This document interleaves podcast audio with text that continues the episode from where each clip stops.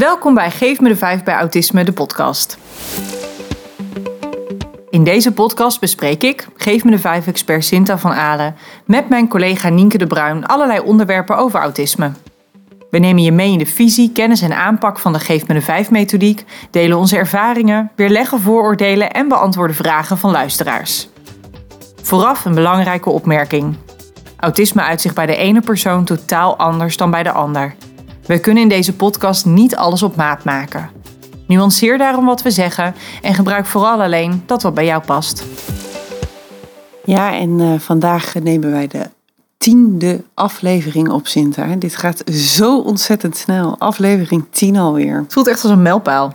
Ja, eigenlijk wel hè? Ja, zeker. En het is ook heel leuk om te zien dat we steeds meer vaste luisteraars hebben. Steeds meer mensen die terugkeren en die zeggen we volgen jullie, uh, we volgen de hele reeks. Nou, uh, voor jullie ook uh, welkom weer bij deze aflevering met het thema visualiseren. Ja, en ik vind het dus echt een heel raar thema voor een podcast. Nou, daar hadden we het over inderdaad. Want ik, ik dacht ook, nou uiteraard, om, om, om dit thema te bespreken via een podcast, dat is gewoon bijna niet te doen. Hoe dan? Nee, nee. En het, en het, ja, het klopt ook gewoon niet helemaal of zo. En, en tegelijkertijd kun je dan ook afvragen, ja, waarom doe je het dan? Kies dan een ander onderwerp. Um, ik heb er ook even over nagedacht. Moeten we dit wel doen? Maar ik denk dat het juist heel fijn is dat we het wel doen. Want anders laten we een heel essentieel onderdeel van onze methodiek. Um, ja, die, die laten we dan buiten beschouwing. En dat is ook vreemd. Dat dus, klopt. Helemaal ja. mee eens. En daarom is het ook belangrijk. En er is zoveel over te vertellen. Dus laten we lekker beginnen. Want uh, nou ja, ja, we vertellen gewoon uh, heel veel over het onderwerp visualiseren. Ja. En als je nou tijdens het luisteren wel iets wil uittekenen. Of überhaupt iets wil tekenen zodat je lekker kunt luisteren. Ja, dan moedig ik dat natuurlijk wel enorm aan, deze aflevering. Natuurlijk. Pen en papier erbij. Want visualiseren, we beginnen gelijk over tekenen, Sinter. Vertel eens, wat, wat is visualiseren dan? Wat bedoelen wij daarmee? Ja, visualiseren is voor mij in ieder geval alles wat je, wat je in beeld brengt. Dus alles wat je kunt zien. Dat is, ja, dat is tekenen. Dat, dat is heel vaak ook tekenen. Um, maar dat kunnen ook structuren zijn in de vorm van uh, pictogrammen of voorwerpen. Um, dat kunnen ook, ja, wat is nog meer? Ja, alles wat je, oh, foto's, alles wat je in beeld kunt brengen om iets eigenlijk te verduidelijken, is een manier van visualiseren. Ja, klopt. Het beeldend maken van dat wat je over wil brengen. Van de, dat wat je normaal zou communiceren in taal zou zeggen. Ja, en visualiseer je voor jezelf wel eens iets? Oh, heel vaak. Ja, op, tenminste, ik weet dat jij ook wel zo werkt. Op het moment dat je, dat je aan een nieuw project begint of dat verder gaat uitwerken, um, ja, dan, dan knippen en plakken wij ons heel wat af. Wel vaak digitaal tegenwoordig. Uh, maar dan wordt er zeker een, uh, ja, dat wordt allemaal echt in beeld gebracht, zodat je het overzicht ook meteen hebt. Ja, Hele documenten uittypen en zo, dat, dat, nou, dat doe ik eigenlijk zelden nog als het gaat over een overzicht creëren. Klopt, zo min mogelijk. Ja, wij hebben echt onze projectplanning, uh, maar ook als wij iets nieuws gaan ontwikkelen voor de methodiek. Dus op het werk doen we het heel veel. Op dit moment zitten we allebei naar een beeldscherm te staren met allemaal post-it briefjes erop. Ja. Dus daar, uh, zo bereiden wij ook onze podcast heel visueel voor met allemaal uh, nou ja, notities waar, die we langslopen, zodat we weten, gaan we, gaan we alles wel benoemen wat we willen benoemen. Ja, maar ook ja. mijn agenda bijvoorbeeld um, bestaat echt uit blokken. Die geblokt voor een bepaald onderdeel. En verschillende categorieën hebben verschillende kleuren. En dat is ook een manier van visualiseren. Maar daarop kan ik in één oogopslag zien of ik uh, thuis ben, of op locatie ben, of op kantoor ben. Of dat er um, nou ja, iets anders is waar ik aan, uh, aan moet denken. En dat geldt voor mijn privéagenda ook. Ja, fantastisch. Ja, dat is ook inderdaad een heel mooi alledaags voorbeeld eigenlijk van visualiseren. Maar als we dan het stapje maken naar autisme, op welk moment gaan we, als je autisme hebt, op welk moment kan je dan gebruik gaan maken van visualiseren? Dat is denk ik hè, eh, op het moment dat de standaardcommunicatie het vervliegt eigenlijk heel erg. Hè? Als jij gesproken woorden die komen aan, die verwerk je, uh, maar die zijn niet altijd concreet. Taal kan volg zijn. Op het moment dat ik het zeg, is het ook al bijna weer weg. Uh, dus dat, ja, als je dan iets belangrijks over wil brengen, of iets complex, iets wat uit veel stappen bestaat, dan kan visualisatie helpen bij het concreet maken. Nou, ik weet dat Colette wel vaker zegt: eh, lukt het niet met een praatje, dan doe je het met een plaatje. Ehm, ik zeg zelf ook nog wel eens dat je, je start met een natuurlijke communicatie. En als dan iets niet aankomt of niet beklijft, dan doe je auticommunicatie. En als dat niet aankomt of niet beklijft, dan ga je het visualiseren. Maar er zijn talloze voorbeelden waarbij ja, ik zelf eigenlijk ook meteen denk: ik pak pen en papier erbij. Thuis ook en, en op het werk ook, waarbij ik niet eens een soort van die volgorde afga, maar gewoon denk: oké, dit is handig om gewoon even in beeld te hebben.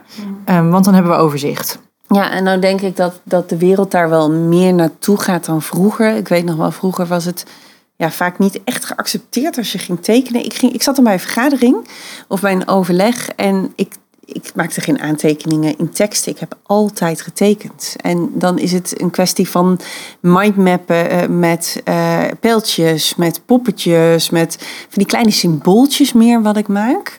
Waardoor er ook samenhang ontstaat tussen dat wat ik opschrijf. Een tekst is chronologisch van wat je gehoord hebt. En dit, dit maakt die samenhang een beetje. Oh, dat is grappig, want ik heb echt het tegenovergestelde. Ik heb echt leren visualiseren toen ik bij Geef me de Vijf kwam. Oh, echt Heel erg iemand van woorden en uitschrijven. En ik heb in mijn studietijd ook gewoon wel echt uh, ja, hele samenvattingen in woorden. Wel ook met die pijlen voor de verbanden. Maar helemaal niet van het, van het tekenen of visualiseren. Dat is echt gekomen omdat ik er ja, hier mee ja, in ondergedompeld werd eigenlijk. En dacht, oh ja, hier heb ik echt nog wel wat in te doen. En de grap is dat ik nu op het moment dat ik ook een cursus sta te geven... Um, ja, dat ik echt niet, niet, niet zonder die stiften kan. Ja.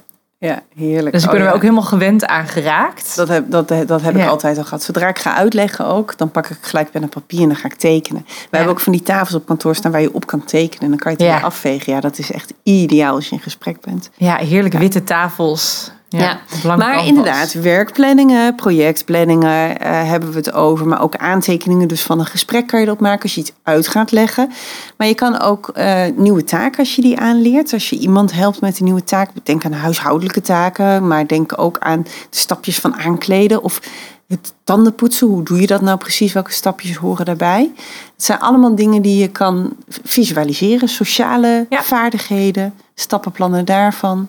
Ja, sociale vaardigheden. Dan kun je echt denken aan een bepaalde situatie. Als je um, naar andere kinderen toestapt en je wil meespelen, wat zeg je dan? Of als je op een feestje staat en je wil eigenlijk naar huis, wat zeg je dan? En dat zijn ook weer die dingen met wat ik bedoelde met dat je begint vaak met communicatie. Dus je kunt gewoon beginnen met tegen iemand zeggen: Oh, maar dan zeg je toch gewoon: Ik wil naar huis. Is dat goed?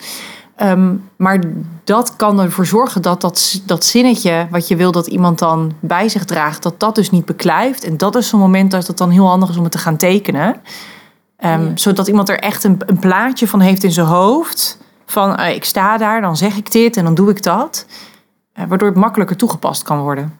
Ja, klopt. En dus eigenlijk gaat het er weer om als het dus net iets complexer wordt. Als het iets lastiger wordt voor de persoon waar je tegen hebt, dan ga je het visualiseren. Ook voor jezelf als het lastiger wordt. Uh, weet je, als ik naar de, naar de winkel ga en ik heb drie boodschappen nodig, ga ik geen lijstje maken. Als ik drie dingetjes moet halen. Maar als ik op een gegeven moment denk, oké, ik heb een hele boodschappenlijst, dan heb ik het visueel nodig. En dat is weer de normale situatie. Maar wat je op een gegeven moment krijgt als jij zegt sociale vaardigheden, krijg ik niet vanzelf ingesleten. Ik weet niet wat ik moet doen. Dan kan je een hele mooie tekening maken. En dan ga ik heel even proberen, hè, want we zitten dus hier zo alleen maar, we hebben alleen maar taal. Maar ik ga even kijken, kunnen we het dan toch, dat mensen het mee kunnen een denken. Krijgen. Een krijgen. van waar we het over hebben. Uh, want als je dan bijvoorbeeld, um, je gaat naar een verjaardag toe. En jij bent niet zo van de verjaardag, want dat is altijd al veel voor je. En je komt ergens bij een nieuwe vriendin thuis. Uh, en die vriendin die uh, woont nog bij haar ouders. Uh, dus er zijn ouders die je nog nooit hebt gezien. Die vriendin ken je van je studie. En je komt in een huis waar je nog nooit bent geweest. Want je hebt er alleen nog maar op de universiteit gezien. En je weet niet wie er zijn. Er zijn vrienden van haar, van de middelbare school. Er zijn vrienden die je dus niet kent. En je denkt, help, ik kan het niet overzien. Maar ik wil heel graag deze relatie uitbreiden. Ik wil heel graag dit aangaan. Nou, op zo'n moment kan je bijvoorbeeld zeggen: Oké, ik ga voor mezelf even pen en papier pakken en ik ga visualiseren wat kan ik nou verwachten. En dan kan je bijvoorbeeld een stappenplan maken. En dan kan je hem op taken visualiseren. En dan zeg je: Oké, ik pak een tijdlijn. En ik zeg: Ik begin die tijd begin ik met, met me aan te kleden en met me op te maken, et cetera. En dan ga ik dan de deur uit en dan ben ik er om die tijd. En als ik er ben, dan kom ik binnen. En dan kunnen bijvoorbeeld drie situaties zich voordoen. En die drie situaties, en ik zit nu met mijn hand zit ik te aan te wijzen, alsof ik een papier voor me heb. Dan kan je onder elkaar zeggen, oké, situatie 1 is, de hele kamer is al vol met mensen. En daaronder teken je situatie 2, en dat is bijvoorbeeld dat je vriendin de deur open doet en dat zij jou meeneemt om, ze, om je voor te stellen. En situatie 3 is, nou, zo kan je die uitdelen. Dan kan je kijken, wat ga ik in welke situatie doen, wat ga ik zeggen. Ja, dan heb je het voor jezelf helemaal voorspelbaar gemaakt. ja. En jij zei er straks, want daar wilde ik nog even op aanhaken, zei je een boodschappenlijstje. Ja. bij drie dingen doe je dat niet, maar daarna wel. En het is misschien wel goed voor mensen om zich te realiseren dat een, uh, een lijstje met woorden is ook al een manier van visualiseren. Nou heb ik wel altijd voorkeur voor plaatjes, omdat voor de meeste mensen plaatjes um, uh, sneller, makkelijker op te slaan zijn. Daarom hebben we natuurlijk ook verkeersborden met pictogrammen in plaats van met woorden. Um, maar dat wil niet zeggen dat dat niet ook een manier is van visualiseren. Dus zo'n lijstje met, met stappen of met dingen waar je aan moet denken, is ook een manier van visualiseren. Ja, zeker. Ja, zodra je het niet meer mondeling doet, maar ergens visueel hebt, ja, hoe kan ik het anders zeggen? Het op papier hebt, uh, ja, Is, is het inderdaad visualiseren. En als ik die um, uh, even allemaal opnoem, want eigenlijk heb je een paar categorieën. Je hebt woorden. Dus dat is zo'n lijstje, zo'n boodschappenlijstje. Maar je kan ook tekeningen maken. En het voordeel aan tekeningen is dat je het heel erg op maat kan maken. Um, want je kan, als je bijvoorbeeld bij uh, kleding um, aankleden en, en, en het is een, een, jurkje, dan kan jij een jurkje tekenen in plaats van een t-shirtje en een broekje. Dus zo kan je het wel aanpassen. Uh, tegelijkertijd kan, kunnen tekeningen ook te ingewikkeld zijn, omdat het te weinig lijkt op de werkelijkheid. Ja, dus dan is het te abstract. Is het te abstract, ja, inderdaad. Ja, uh, dan zou je ook kunnen kiezen bijvoorbeeld voor foto's. Maar foto's is best wel weer heel veel werk. Dus dat, dat zou ik Ja, en het is heel specifiek. Want als jij dan dus een paars bordje op de foto zet voor het avondeten... maar die avond staat het paarse bordje in de vaatwasser... en je hebt alleen een rood bordje... dan, dan klopt de foto misschien al niet meer. Nee, nee. En dit is dus maatwerk. Hè? Het kan zijn voor de ene persoon dat die zegt... ja, die foto klopt niet, dus ik ga dit niet doen. En de ander zegt, ach ja, het is toch een bordje... maar ik vind het fijn dat ik een foto heb. En ja, soms wordt het ook niet aangegeven en niet gezegd. En hebben we het gewoon te testen als omgeving. Ja. Hebben we gewoon te kijken wat werkt. Ja. Andere opties zijn eh, pictogrammen of plaatjes. Uh, dat, uh, dat kan ook. Het voordeel daarvan vind ik dat ze erg uh, prikkelarm zijn. Die zijn heel clean, zeg maar, allemaal. Dus dat is mooi. En daarmee dus ook meteen vrij algemeen. En dat, dat is wel handig in het kader van het generaliseren. Ja. Dat ze voor, ehm, nou ja, dat ze dus dat ze heel duidelijk een soort categorie aangeven. Ja. Klopt, en je ziet dat deze heel veel gebruikt worden op groepen. Hmm. En je hebt uh, de zwarte-wit uh, picto's die heel veel mensen wel kennen. Je hebt ook andere reekse plaatjes natuurlijk. Um, van grote valkuil hiervan vind ik is dat je als je voor een groep een structuur maakt, is die voor de groep, voor het gemiddelde van de groep vaak goed. Maar kijk dan altijd goed naar ja, degene die niet in dat gemiddelde vallen en net iets anders nodig hebben in die structuur. Ik ben wel eens op een school geweest waar ze heel mooi een, eh, een algemene structuur hadden. En dan werd er per week, werd er voor iedere individuele leerling, als wel echt speciaal onderwijs dit, werd die op maat gemaakt. Um, dus dan werden er bijvoorbeeld details toegevoegd als een leerling kleinere tussenstapjes nodig had in zijn dagplanning. Of er werden juist details weggehaald als een leerling meer overzicht nodig had. Um, een dag werd misschien in twee of in vieren gesplitst als een leerling niet een hele dag in één keer kon overzien. Of er stond bijvoorbeeld een tandartsbezoek in van weer een andere leerling, wat alleen voor hem was. En al die leerlingen kregen dan aan het begin van de week hun eigen dagplanning. Um, en daarachter zaten dan de dagen voor de andere weken. En de basis daarvan was voor iedereen hetzelfde, want iedereen had hetzelfde rooster ook die dag. Alleen op detailniveau werd hij dan dus iedere keer op maat gemaakt. Ja, fantastisch. Ja. ja. En dit vraagt wel voor jou als omgeving echt enorm veel creativiteit. Want hier is zoveel in mogelijk. En uh, het is soms echt zoeken naar wat past. Ja, ja, zeker. Ik vind het nog wel leuk om nog even in te gaan op waarom dat uh, dat visualiseren nou, nou werkt en, en wat dat ook doet in het brein. Want jij zei al wel van soms als je gesproken taal hebt, dan ja, is het, vervliegt het al bijna voordat je het zegt. Nou, ik vind het gewoon mooi om daar even op aan te haken wat er nou gebeurt. Want op het moment dat wij um, ja, verbaal eigenlijk communiceren, dan hebben we dus een, een gebied in het brein die die taal oppikt. Die registreert, hey, er, praat een mens tegen mij en die is iets aan het vertellen.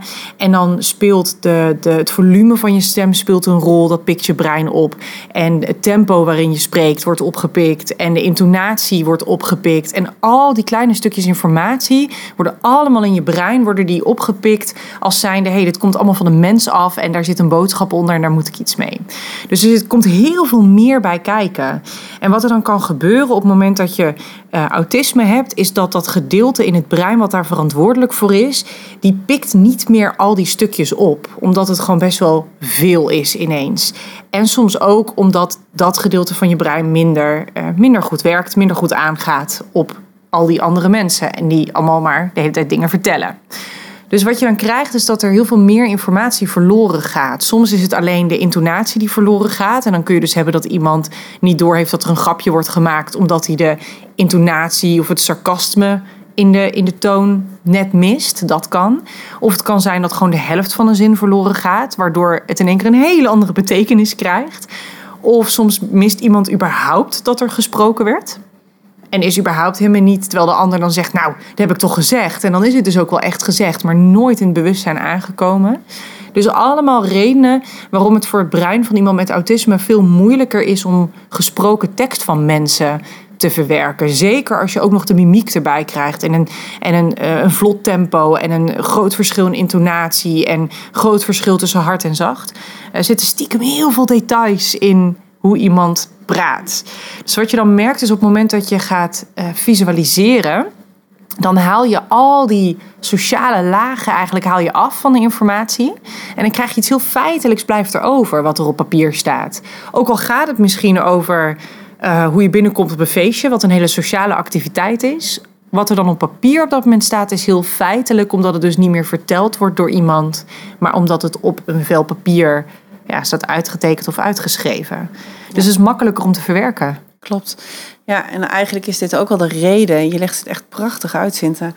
Eigenlijk is het ook de reden waarom wij de autiecommunicatie hebben ontwikkeld. Die hebben we echt ontwikkeld in de praktijk door te kijken naar wat werkt dan wel. En daar is de informatie dus al helemaal uitgekleed. Ja. Daar hebben we al die lagen van intonatie, et cetera, proberen we daar al uit te halen, waardoor de informatie al zo feitelijk is. Maar inderdaad, dan hou je nog over dat taal verdwijnt, vervliegt, is weg. En het visualiseren is net dat extra stapje die ervoor zorgt dat het ook echt op papier staat. En wat ik dan vaak ook merk is dat ik een visualisatie maak. En of dat nou gaat over zo'n feestje voorbereiden. Of over dat ik een visualisatie maak om met iemand te bouwen aan wat hoort nou bij mij, wat hoort bij mijn ik. Of welke afspraak we maken over bedtijd. Het kan van alles zijn. Ik zeg heel vaak, dit is nu een heel belangrijk papier. Want hier staat het op. En dat is ook echt zo, want daar staat het. En daar kunnen wij samen naar terugkijken als we het even niet meer weten. En daar kunnen we het weer vandaan halen, de informatie. Ja, en wat dan zo mooi is, als je dat dus doet, je pakt dat terug, dan is dat vel papier op detailniveau altijd hetzelfde. Want je bewaart het, je gaat het niet opnieuw tekenen, dus je pakt datzelfde stuk papier pak je weer terug. Terwijl op het moment dat ik tegen jou zeg dat je nou, waar moet ik jou aan helpen herinneren? Wat moet je nog doen vandaag? Uh, stel je moet uh, je mail bijwerken. Want uh, je hebt, ik heb echt vijf mails van mij in jouw inbox staan en je doet er maar niks mee.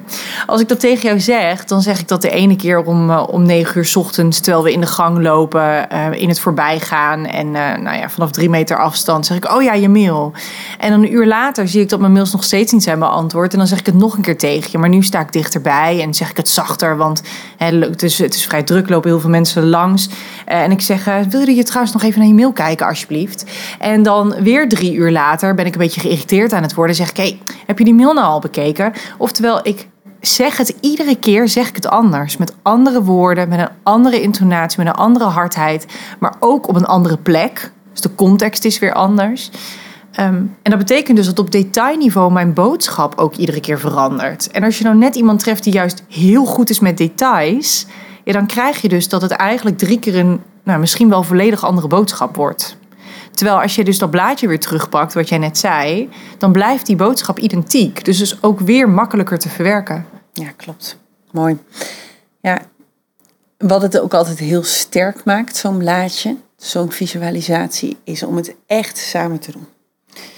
Dat vind ik ook een, uh, een belangrijke om, uh, uh, om erbij mee te nemen. Want op het moment, ja, bedenk maar eens zelf, als jij je eigen agenda invult of je eigen aantekeningen maakt of je eigen lijstje voor je boodschappen schrijft ik schrijf mijn boodschap, ik schrijf dan ook echt op het begin van de winkel ligt altijd groente en fruit. Dus mijn groente en fruit staat bovenaan mijn lijstje. Ja, ik doe precies hetzelfde. Heerlijk. Ik denk, heel, ik denk heel veel mensen hoor. ja. Ja. ja, maar je doet het op je eigen manier. En dat is zeker als je een visualisatie maakt, je gaat een tekening maken van iets. Dan weet je precies dat ene streepje hier onder dit woord, dat heb ik gemaakt omdat daar het belangrijke woord staat.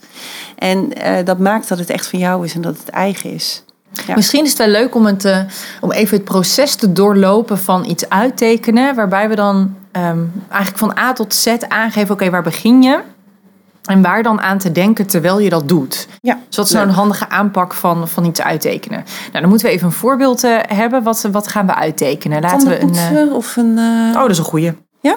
Ja, de taak van tandenpoetsen. De taak van tandenpoetsen. Ja, dus je hebt bijvoorbeeld een, uh, een kind of, een, uh, of een, een volwassene cliënt die nog niet zelfstandig tanden poetst.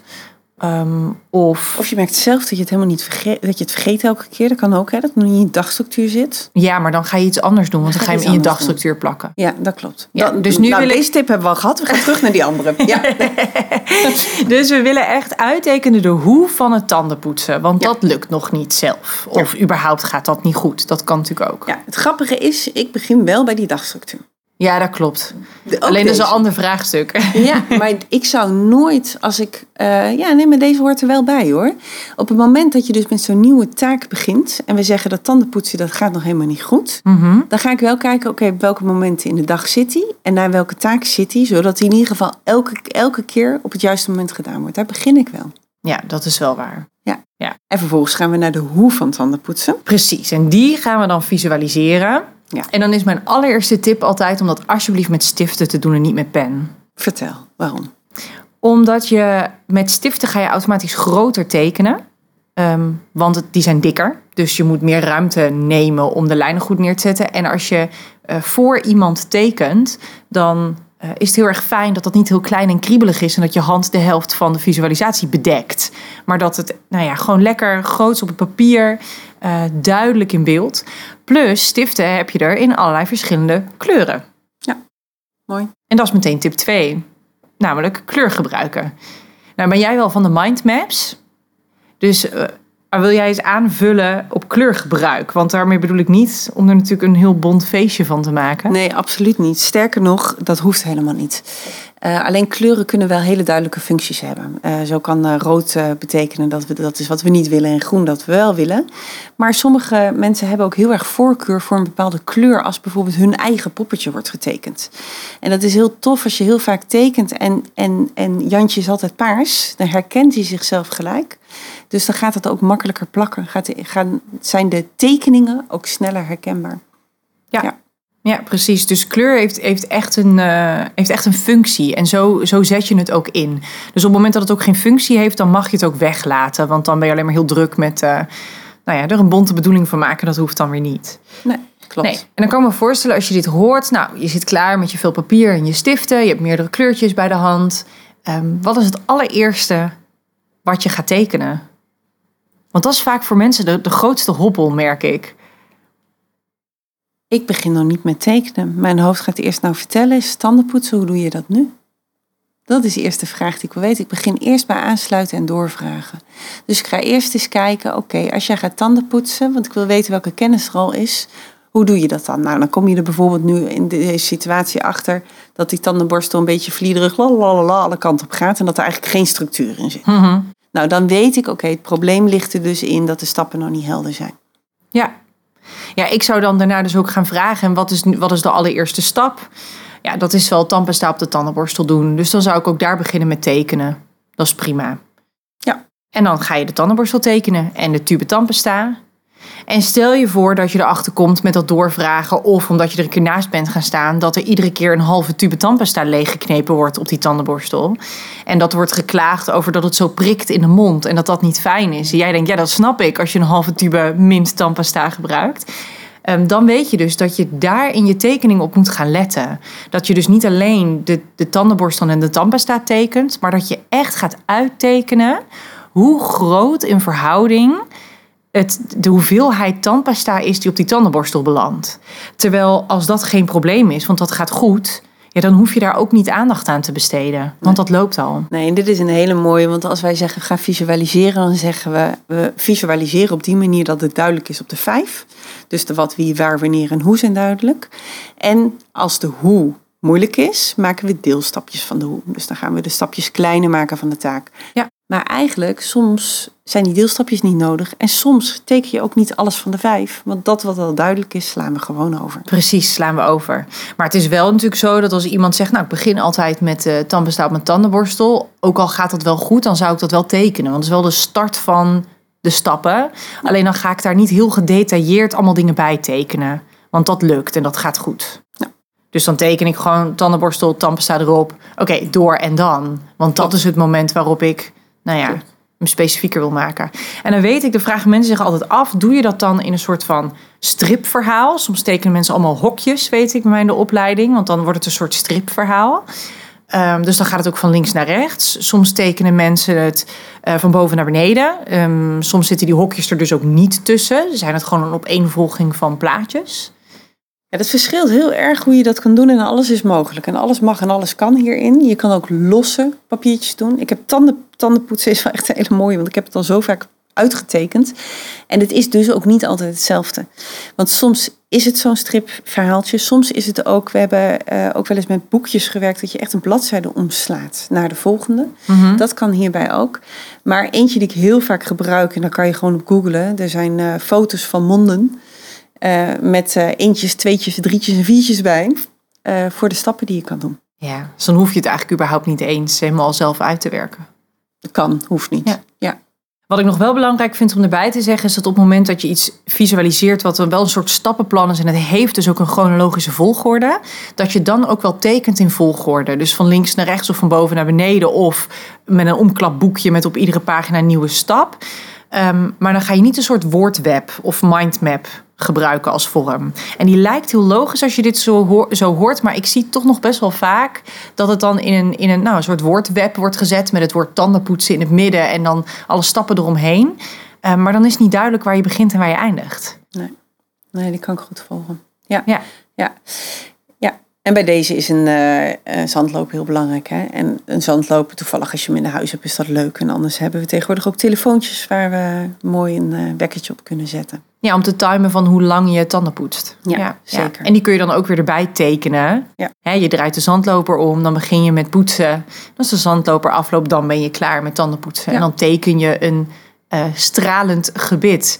En om even te schetsen hoe ik dat dan voor me zie. Want ik heb daar dus wel meteen een plaatje bij hoe ik dat zou tekenen. Ja, Jij ik zou dan. een stralend gebit. Ja, want als je klaar bent um, aan het einde. Ja, sommige mensen tekenen dan bijvoorbeeld een duimpje omhoog. Een soort van goed gedaan, ik ben klaar. Maar in mijn hoofd zou ik dan eindigen met dat je het, het hoofd hebt van uh, jouw persoon voor wie je tekent. Bij wie je dat al de hele tijd dat hoofd hebt getekend. Met dan de mond extra duidelijk in beeld met een rij tanden. En ik zou daar denk ik zo'n soort van sterretje bij tekenen. Wat dan soort van de glans. Alsof je zo'n tandpasta reclame hebt. Ja, ik teken dit dus allemaal niet, want het is geen taak. Nee, het is Het moment van de dat jouw laatste onderdeel klaar is, dan is jouw volgende is je tandenborstel afspoelen. Dat zou ik dan tekenen. Want die spoel je schoon Oh, ja, dat gaat- En ja. dan zet je weg. En daarna ga je je volgende taak doen. Ja, ik denk, ik zit nu even na te denken. Er zullen vast situaties zijn waarin, het, waarin ik het dus ook weglaat, hoor, omdat het te veel informatie is. Maar hij zit voor mij daar, eh, daartussen als, een, als een, een soort van gevolg van die actie. Maar als het niet nodig is, dan laat je dat natuurlijk weg. Nee. Maar zo zie ik het einde een beetje voor me. Ja, Ja. heerlijk. Nou, en dit is wel mooi wat er gebeurt, want wij gaan dus zelf allemaal plannen maken. En je hoort hoeveel verschillende manieren er zijn. En weet je, er zijn zoveel mensen als er zijn, zoveel manieren zijn er om dit uit te tekenen, uit te werken en te visualiseren. Ehm, en het belangrijkste is de eindgebruiker. Het Mhm. belangrijkste is de persoon die de tanden moet poetsen. Dus dat is de vraag, oké, je gaat twee minuten tanden poetsen, hoe ga je dat bijhouden? Ja. En daar moet ik ook nog even ergens aan denken. Want ik zeg nu de hele tijd, de persoon voor wie ik teken. Ja, als je zegt het gaat om de eindgebruiker ervan, dan kun je je natuurlijk ook afvragen: waarom ben jij dan degene die tekent? Dat is een hele mooie vraag om te stellen. Want dat is wel vaak je- wat we doen. Ja, en wanneer zou je daar wel voor kiezen en wanneer niet? Wanneer ik ervoor zou kiezen om de persoon met autisme te laten tekenen, Mhm. bedoel je? Eh, soms als het plaatje wat eh, die persoon in zijn hoofd heeft, ik het echt niet kan volgen. Ehm, en het ook niet verduidelijk, zo verduidelijkt kan worden dat ik het op papier krijg. Dus dat wat ik op papier zet is gewoon iedere keer niet goed. Dan zou ik de, de stift afgeven zeggen, nou dan teken jij dat en dan geef je daarna de stift weer terug. Uh, maar soms ook als iemand daar echt een onwijs talent voor heeft en dat dus ook heel goed kan. Um, daar ook heel blij van wordt om zelf te tekenen en, uh, ja, en, een, en een plaatje te schetsen. Um, maar ik kies er vaker voor om het niet te doen, omdat ik degene ben die wel de, de rode draad vasthoudt. En ik weet waar ik naartoe werk. Dus ik voorkom dat we um, ja, allerlei zijpaadjes gaan bewandelen die eigenlijk niet relevant zijn voor wat we op dat moment aan het doen zijn. Ja, mooi. Ja. ja. Daarmee neem je ook echt de leiding dan. Ja. En soms is die nodig en tegelijkertijd wil je ook dat ze het zelf leren. Dus op een gegeven moment kan het ook zijn dat je in het proces in het begin het zelf op een gegeven moment zegt, nou weet je, maak jij er maar eentje. Ja. Of ik zeg het en jij tekent het en langzamerhand uh, is het... Uh, maak jij even zelf een structuur hiervoor? Ja, ja, maar als iemand vraagt, mag ik dan de bloemen tekenen? Dan is het niet dat ik zeg nee. Nee, want ik teken. Nee. Dan is het, ja, tuurlijk, En dan komen we weer op dat stukje dat het daardoor eigen wordt. Want als die bloemen, zeker bij kleine kinderen, die dan even nog een check willen doen. Ja. ja. Ja, en ook soms moet het op de detail kloppen. Ik kan dan van die uh, poppetjes tekenen met van die dikke buiken, doe ik altijd. Zodat je altijd ook hartjes erin kwijt kan, et cetera. Dan kan je ook allemaal dingen in die buiken tekenen. En dan teken ik een hoofdje en soms doe ik dan lange haartjes of korte stekeltjes of wat dan ook. En daar blijft het vaak bij. Maar van mezelf begin ik niet standaard met een gezicht. En als ik hem teken zijn er twee ogen en een mond. En heel vaak is dat oké. Dan zeg ik teken het en ik ondertitel altijd erbij tekenen. Dan zeg ik dit ben jij. En dan is het goed. Want ik heb gezegd dat zij dat zijn. Maar soms zeggen ze, uh, waar is mijn neus? en dan teken je altijd nog even die neus erbij. Dan zeg ik, ach, je hebt helemaal gelijk, die klopt niet. Ja. Want door dat ene detail klopt het poppetje weer, is die weer compleet. En dat er dan geen twee oren zitten, ja, dat is dan blijkbaar voor deze persoon helemaal niet erg. Nee. Maar voor een ander weer wel. En die zegt, ja, heb ik ook nog oren? Ja, oh, tuurlijk heb je ook nog oren. Hier heb je twee oren erbij. Klopt, ja. En je gaat het dus andersom inderdaad niet zelf allemaal doen. Want wat er dan gebeurt, is dat je een half uur lang details aan het tekenen bent. En de persoon naast jou die is al lang en breed afgehaakt. Uh, omdat hij niks te doen heeft op dat moment. Omdat jij zo druk bent met al je details. Ja. Grappig genoeg heb ik gemerkt dat mensen die heel goed zijn in tekenen, die vinden dit lastiger dan mensen die denken dat ze het niet kunnen. Want iedereen kan dit. Maar die echt denken, waar moet ik beginnen? Want als je er heel goed in bent, dan heb je dus ook de neiging om het heel mooi te doen en heel kloppend te doen. En dan ga je dus vaak te erg los op al die details en schaduwen en uh, verhoudingen allemaal kloppend krijgen en zo. Ja, ja. maar hoe simpeler, hoe beter. Ja, terwijl als, wij als mensen kunnen niet zo goed taken en communicatie combineren. Daar zijn wij niet heel sterk. En als wij echt heel druk zijn met een taak en dus heel erg gefocust op de details van dat wat je aan het tekenen bent, dan vergeet je even dat iemand naast je zat waar je eigenlijk ja, iets, die iets aan het leren was, waarmee je in gesprek was. Mm. Dus daarin is het echt, um, dit is ook oefenen hoor. Dit is oefenen met het bezig zijn met die situatie uittekenen, tegelijkertijd die vragen stellen. Oké, dus je had een ruzie op het plein. Wij gaan samen even zitten, we gaan het tekenen. Oké, dus jij was op het plein. Vertel, waar op het plein was je? Oké, jij stond hier en ik teken een poppetje. En toen, waar was Jochem toen? Oké, Jochem stond daar. Ik teken Jochem hier. En had hij zijn arm omhoog of had hij hem naar beneden? En zo ben je aan het tekenen terwijl je in het gesprek bent, terwijl je mhm. vragen stelt. En nou ja, soms hoor je dan van tevoren, ik ga even door naar een ander onderwerp hoor. Maar terwijl ik nu met mijn hoofd in deze situatie zit, denk ik, oh ja, en ik hoor dat Jochie naast me zeggen, oh, stomme tekening, ik wil er niet over hebben, want die zit nog in de sfeer van dat plein en die is nog... Mhm. En dan ga je lekker doortekenen. En je zegt, maar ik teken voor mezelf. En dat vind ik fijn, want dan heb ik overzicht. En je gaat doortekenen en je vraagt aan hem. Maar die tekening, ja, die wordt heel slordig. En dan heb ik een, een, een hoofdje wat half dicht is. En een, nou goed, een, een, boom waarvan ik denk, nou, eh, het is dat ik zeg dat het een boom is. Maar, uh, maar dan zeg ik, dit is een boom. En het is slordig, maar dat maakt niet uit. Want wij weten dat het een boom is. En langzamerhand, met dat ik duidelijkheid creëer met die tekening maken mijn tekeningen niet uit. En sterker nog, op een gegeven moment gaat hij dingen aanwijzen op de tekening. Op een gegeven moment trekt hij die tekeningen naar zich toe. Op een gegeven moment gaat hij meetekenen. Want hij merkt dat het helpt. Ja. En die hele weerstand gaat dan weg. En de mijne ook, want ik denk, ach ja, die boom maakt mij het uit. Ja, precies. Ja, super mooi. Nou, die aanpak dus, als je even samengevat, en je gaat lekker zitten met papier en met stiften. Uh, zorg ervoor dat de persoon met of voor wie je tekent het goed kan zien ook. Dat hij echt naast jou zit. Jij zit ze links uh, naast je. Niet tegenover, want dan kijken ze op de kop. Maar eh, als jij rechtshandig Ja, ik wou net bent, zeggen, afhankelijk van of je rechts of linkshandig rechtshandig bent. bent, Juist. links naast je, want dan zit je Ja. tekenhand niet in de weg. Ja, precies. En een bijkomend voordeel is, is dat ze oogcontact kunnen mijden als dat prettig gevonden wordt. Zeker. En dit is sowieso een voordeel van bezig zijn met visualiseren. Ja, oh heerlijk. Lekker naar de tekening kijken. Nou, je gaat zitten met je pen en, of met je stiften en papier. Eh, op een handige manier dat iedereen het goed kan zien. En, eh, en je begint gewoon bij het begin. Je begint ergens. En je maakt je niet druk over, over, over details of of het wel mooi is. Je begint. En op het moment dat de persoon voor wie je tekent het er niet mee eens is, dan hoor je het wel. Want dan moeten er nog oren bij of een neus bij. Of dan is een fiets rood en niet groen. En dat pas je even aan. En daarna ga je weer door. Je ondertitelt alles wat je tekent. Kleur kun je eh, heel erg functioneel gebruiken. En tegelijkertijd teken je alleen wat ook echt nodig is voor die situatie. En daarnaast hebben we ook een aantal ehm, manieren, of eigenlijk plekken genoemd. Nou, niet plekken. Een aantal eh, ehm, voorbeelden van wanneer je gaat tekenen. Dus dat kan zijn iets wat er aankomt, wat je voorspelbaar wil maken. Zoals een feestje, een, een schoolreisje, een, ehm, nou ja, een vergadering. Eh, het kan zijn dat je eh, juist achteraf is er iets gebeurd en je wil achteraf terugkijken op een, op een situatie en nagaan wat er toen is gebeurd of hoe iemand zich daarbij voelt. Je kunt een, eh, een taak of een, een sociale regel kun je natuurlijk visualiseren. En soms kun je zelfs in het moment nog stiften en papier tevoorschijn halen. Als blijkt dat iemand heel erg overprikkeld raakt omdat er toch van alles gebeurt wat niet helemaal duidelijk was. Of jullie dachten het wordt A, maar plotseling wordt het toch route B. En denk je, oké, ik weet nu, er komt een grote verandering aan. Dit hadden we niet bedacht. Dus ik ga nu in het moment die verandering even uittekenen. Fantastisch voorbeeld van. Er was een keer een eh, student in onze post-HBO-opleiding. En die brengen ook altijd filmpjes in tijdens die opleiding. En zij had een kinderfeestje georganiseerd. En ze had alles voorbereid, helemaal gevisualiseerd. En toen was hij daar, dat jochie. En er ging iets toch anders dan verwacht. En ik, ik weet helemaal niet meer wat het was. Maar zij heeft een filmpje laten zien van dat ze op het springkussen...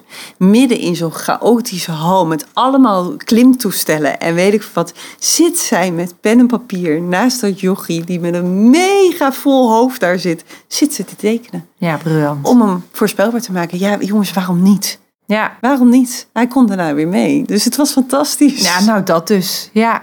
Ja. ja, dus het kan echt altijd overal door iedereen. Ja, zeker is de weten. boodschap.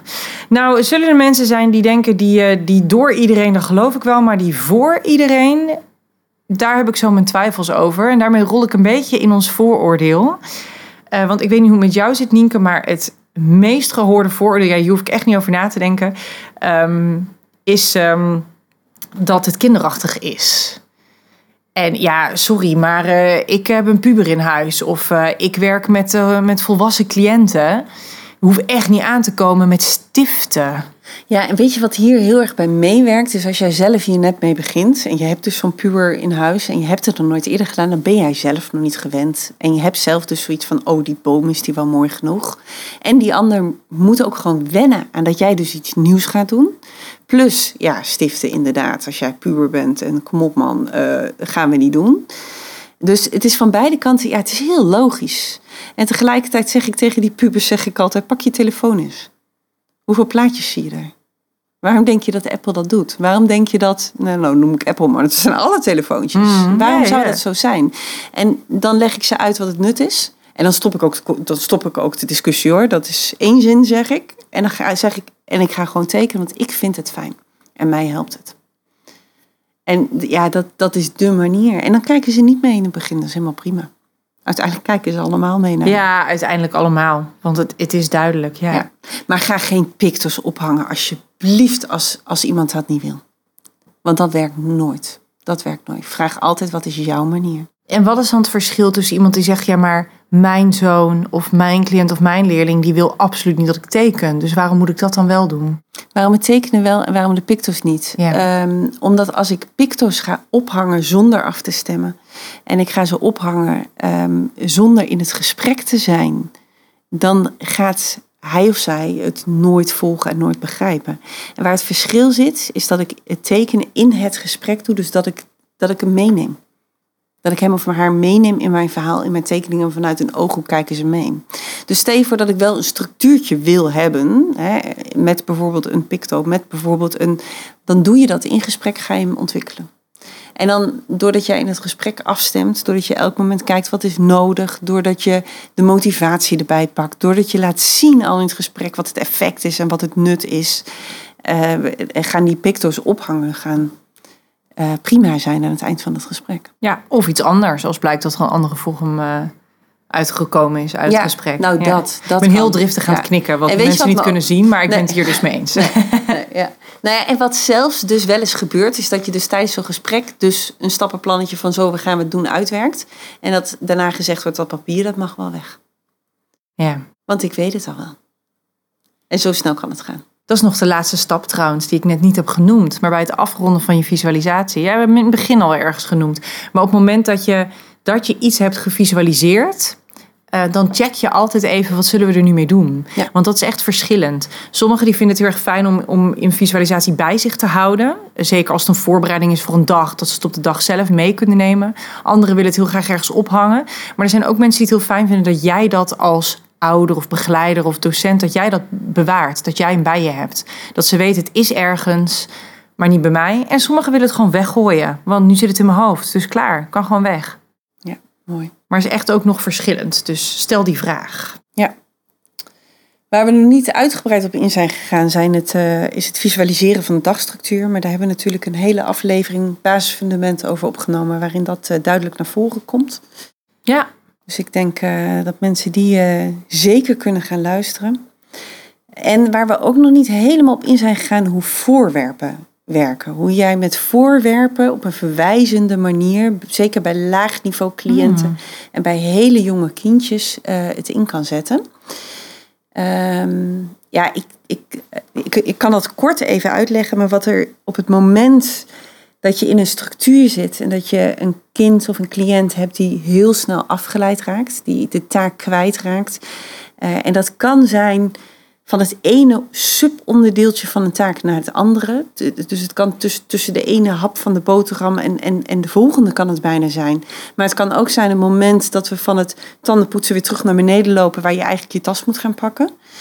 Um, dan kan je op dat moment kan je verwijzers, kan je voorwerpen inzetten als verwijzers of picto's als verwijzers. En dan kan je bijvoorbeeld zeggen, ik pak een, een, een, een picto of een, of een puzzelstukje of een iets wat ik mee moet nemen naar de volgende plek, naar de volgende stap en daar in elkaar moet puzzelen. En ik zou mensen willen verwijzen naar, naar op YouTube staat een film hiervan en die heet Met andere woorden. Met andere woorden, autisme heet hij volgens mij. En daarin staat dit heel mooi uitgewerkt. Want op het moment dat je dit nodig hebt, daar komt nog wel even een stapje meer bij kijken. Ja. Om dat uh, passend te maken. Mooi. Er is genoeg over te vertellen, dat zeiden we van tevoren al. Ja, ik ben heel benieuwd wie deze podcast heeft meegetekend met ons.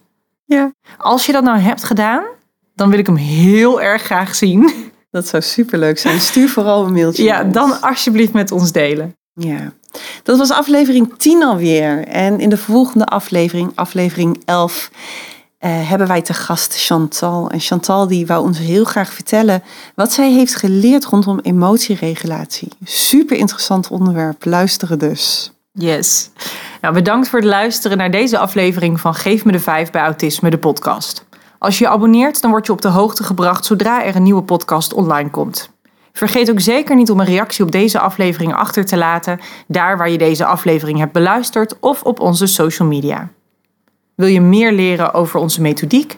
Kijk dan op de website www.geefmede5.nl voor onze boeken en scholingsaanbod.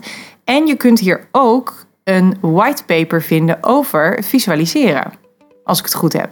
Zeker weten. Ja, dus als je daar nog meer achtergrondinformatie over wil hebben, kijk dan zeker ook eventjes in onze webshop. Nou, heb je vragen of opmerkingen over deze aflevering? Stuur ze dan naar podcast.geefmede5.nl. Geef me de 5 met het cijfer 5.